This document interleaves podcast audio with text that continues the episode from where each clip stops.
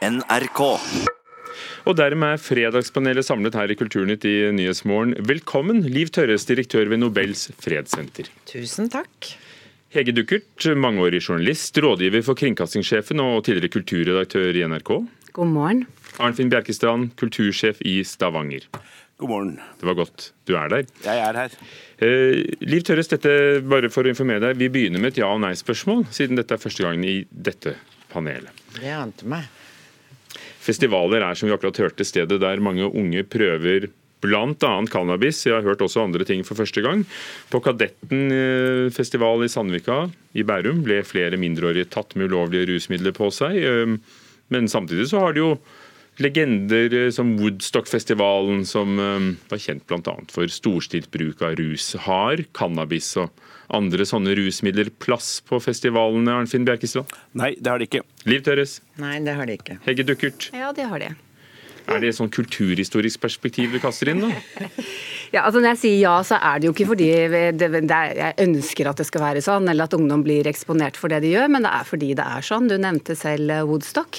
Eh, man må huske at, eh, at sommerens festivaler er den største kulturopplevelsen for veldig mange unge mennesker i Norge. Eh, de samles, de opplever ting, eh, og de debuterer med dette og hint. Og jeg tror ikke at vi skal late som det ikke er sånn.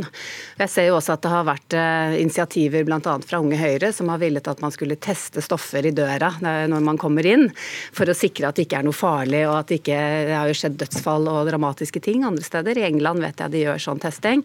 Eh, Det er kanskje å, å legitimere det i veldig stor grad, men jeg tror vi må innse at det finnes rusmidler på festivaler. Ja, det er jeg også helt enig i her fra Stavanger. Det er klart at det står i en historisk sammenheng både fremveksten av populærmusikken, festivalene og hippiebevegelsen, og dermed også røyking av glade sigaretter. Men nå er det kulturskift, da, så da Ja. må du se det litt annerledes. er Ikke sånn? sant? Og det er vi nødt til. Og jeg tenker at det, det er ikke festivalen som skal bære ansvaret for, for debuten på cannabis.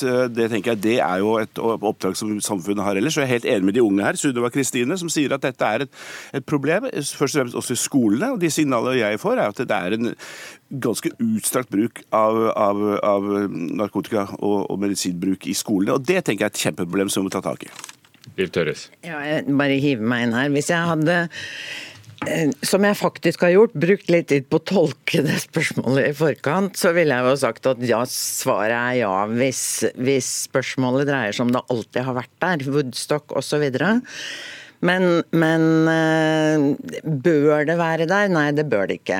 Eh, Vi kan ikke ha lommer hvor vi liksom tillater dette, mens det i resten av samfunnet er forbudt. tenker. Fristaden, Kadettfestivalen, Fristaden Palmesus. Ja, nei, altså da må vi heller Jeg tenker jo generelt at vi heller må diskutere hvilket nivå lovverket skal ligge på, enn å lage lommer som er unntatt lovverket. Men uh... Men, men det er det vel heller ikke. altså Festivalene er ikke unntatt lovverket. Nei, nei, det, er jo, sånn at eh, det er jo bare å følge norsk lov her, tenker jeg. I hvert fall, i hvert fall for de som arrangerer festivalene. Det var kanskje ikke lov alt som skjedde på Woodstock heller, men er det ikke sånn at eh, en kultur i opposisjon noen ganger bryter lover og regler?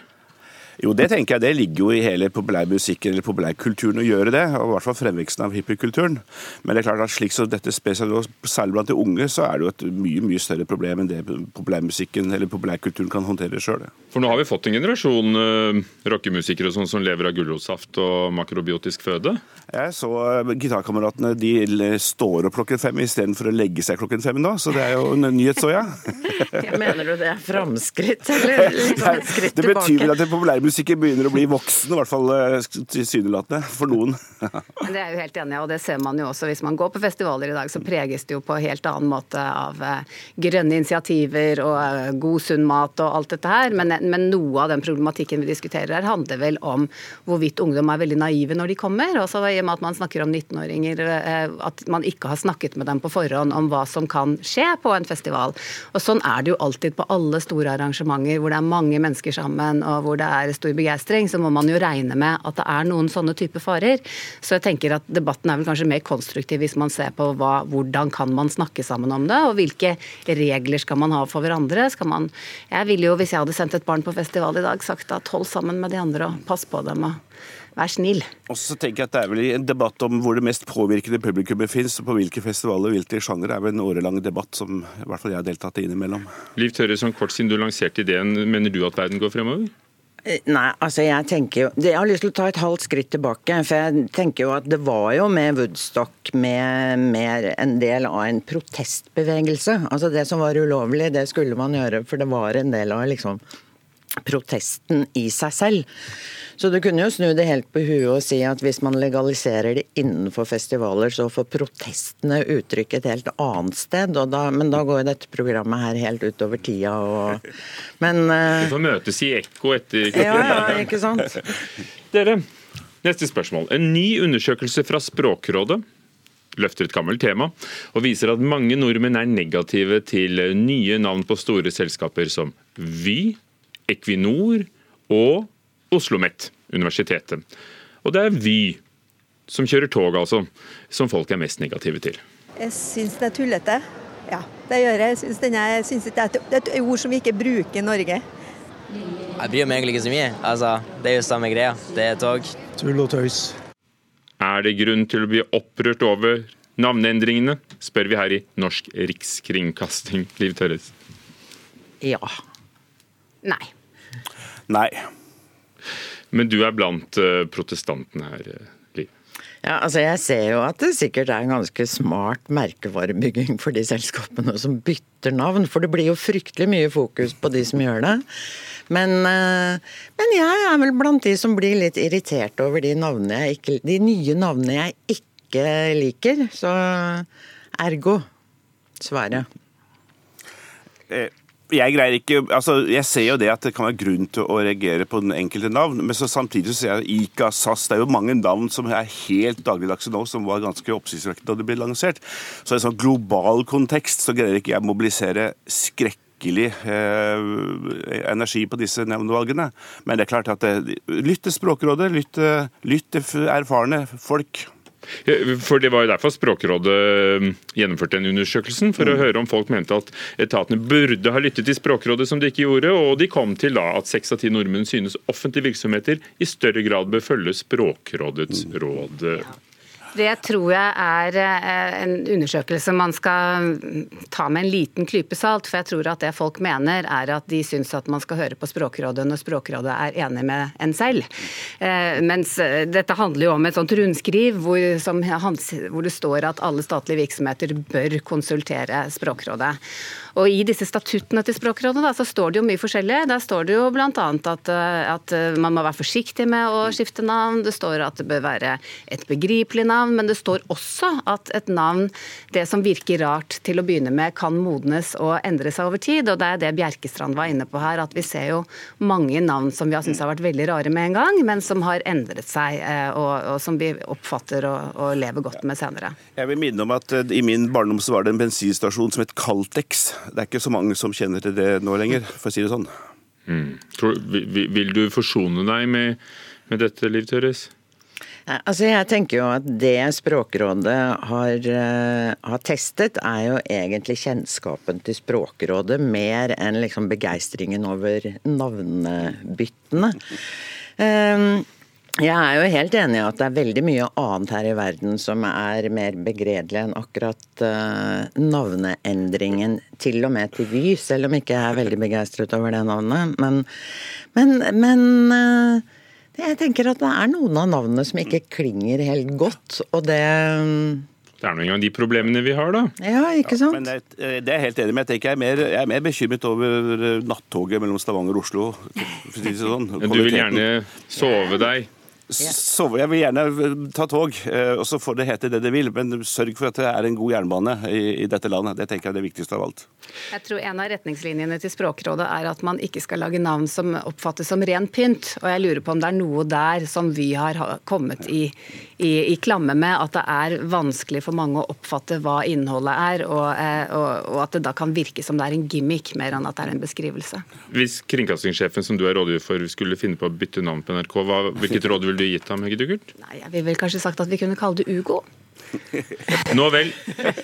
Flere kjente bloggere har reagert på at de får spørsmål om når de skal få barn, som vi hørte i Kulturnytt denne uken.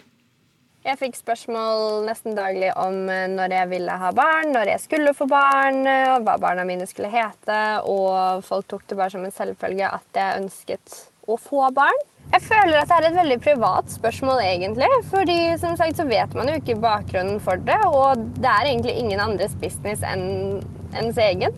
Så jeg skjønner ikke hvorfor man skal drive og spørre andre om det hele tiden. Men de får nå dette spørsmålet. Må bloggere og andre unge skal vi kalle dem kjendiskvinner godta å bli spurt om dette, Hege Duckert? Nei. Liv Tørres Nei, nei. og Arnfinn Bjerkestrand? Ja, det må de. Og, hvorfor må de det? Altså, jeg tenker at Jeg også ble spurt på det da jeg var ung og, og, og barnløs. Men det som var forskjellen med meg og disse ungene, at jeg hadde jo ikke egen YouTube-kanal. Så hvor jeg lanserte dette, sånn at jeg tenker at Når man først har kjørt disse bloggene ut i offentligheten, så må man regne med å stille spørsmål. Men hvorvidt eh, kvinnene skal ha oftere spørsmål enn mennene, det er en gjenstand for debatt. Men jeg mener, er man først ute i offentlig sfære, så må man regne med å bli stilt de spørsmålene som eh, folk lurer på, tenker jeg. Al- Altså, det er ikke bare Det er ikke riktig å si at dette må være liksom gjenstand for debatt, eller kan være det. Dette er et privat spørsmål. Og det er eh, i praksis kjønnsdiskriminerende. Det er mye oftere damer blir stilt dette spørsmålet enn menn. Og det er ikke greit.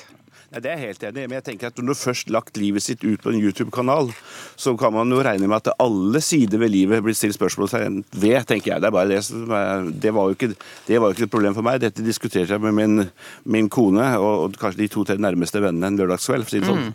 Sånn er det jo ikke nå. Men jeg tror vi skal altså, så- kanskje nyansere det litt, fordi at det er jo ikke fullt frislipp på hva man spør folk om, fordi om de eksponerer seg selv i, i stor grad. Og det er klart at hele denne bloggeverden er nytt for oss eh, i forhold til hvordan man skal forholde seg til det. Det kan virke veldig privat. Å være blogger er jo et kvinneyrke. Det er jo stort sett unge jenter som, eh, som preger eh, den dagsorden. Altså Hvis man spør folk eh, i f.eks. et ansettelsesintervju om de vurderer å få barn, det er jo ulovlig. Eh, Så man skal jo eh, Det at folk eksponerer mye, gjør jo ikke at alle vi andre skal eh, spørre om akkur- akkurat hva vi lurer på i alle mulige sammenhenger. Men at dette skjer, viser jo-. Viser jo da tydeligvis at mange er opptatt av det og har forventninger til det. Hva sier det om uh... Det har vel folk kalt ordentlig. ikke sant? Det har alltid vært en gammel tante i et eller annet selskap som har sagt ja, når skal du få barn da, vennen min? Eh, Så det å si at det har jeg ikke tenkt å svare på, må være greit. Det er vel det som er litt mitt poeng, at det, å, å være opptatt av dette, det er vel noe som har vært generasjoners eh, gang, for å si det sånn. Men, men forskjellen er at dette legges ut i offentligheten. For det er jo det, direktøres. De, de lever jo på en måte av å, å være seg selv offentlig. Ja, men jeg er enig med Hege. Altså, det at de legger ut enkelte ting, betyr ikke at offentligheten har rett til å vite alt. Eh, og så er det jo det, det har alltid vært sånn at det har vært både noen gamle tanter, som Hege sier, og folk på trikken og folk i offentligheten, og før var det folk i arbeidslivet som stilte disse spørsmålene, og oftere til damer enn til menn. Men eh, det er ikke greit. Jeg er Jeg tror jo Hvis man skulle gi et råd til bloggere som eksponerer veldig mye, så kunne man jo si at eh, pass på at du ikke lar deg krenke så lett. Det kan jo likevel være et godt råd i offentligheten. At det kommer til å komme mange spørsmål, men at det går an å finne en måte å, å håndtere dem på og si at akkurat det vil jeg ikke svare på. Ja, og kanskje også legge til at innimellom er det lurt å telle til ti og puste med magen og si slapp av, dette har ikke du noe med. Verker du etter å få siste ord, Arnfinn Bjerkestrand? Nei, det er jeg enig med de siste. Jeg tenker at Det er jo, det er jo ikke påbudt å svare på alle spørsmål man får her i, i landet, heldigvis. Sånn at eh, man får håndtere dette etter hvert. Og dette skal jo stå seg gjennom eh, generasjoner, det som legges ut på YouTube òg. Så det er jo all grunn til å tenke seg om hva som skal eh, være i metamin om deg sjøl i fremtiden. Takk skal dere ha. Fredagspanelet her i Nyhetsmorgen.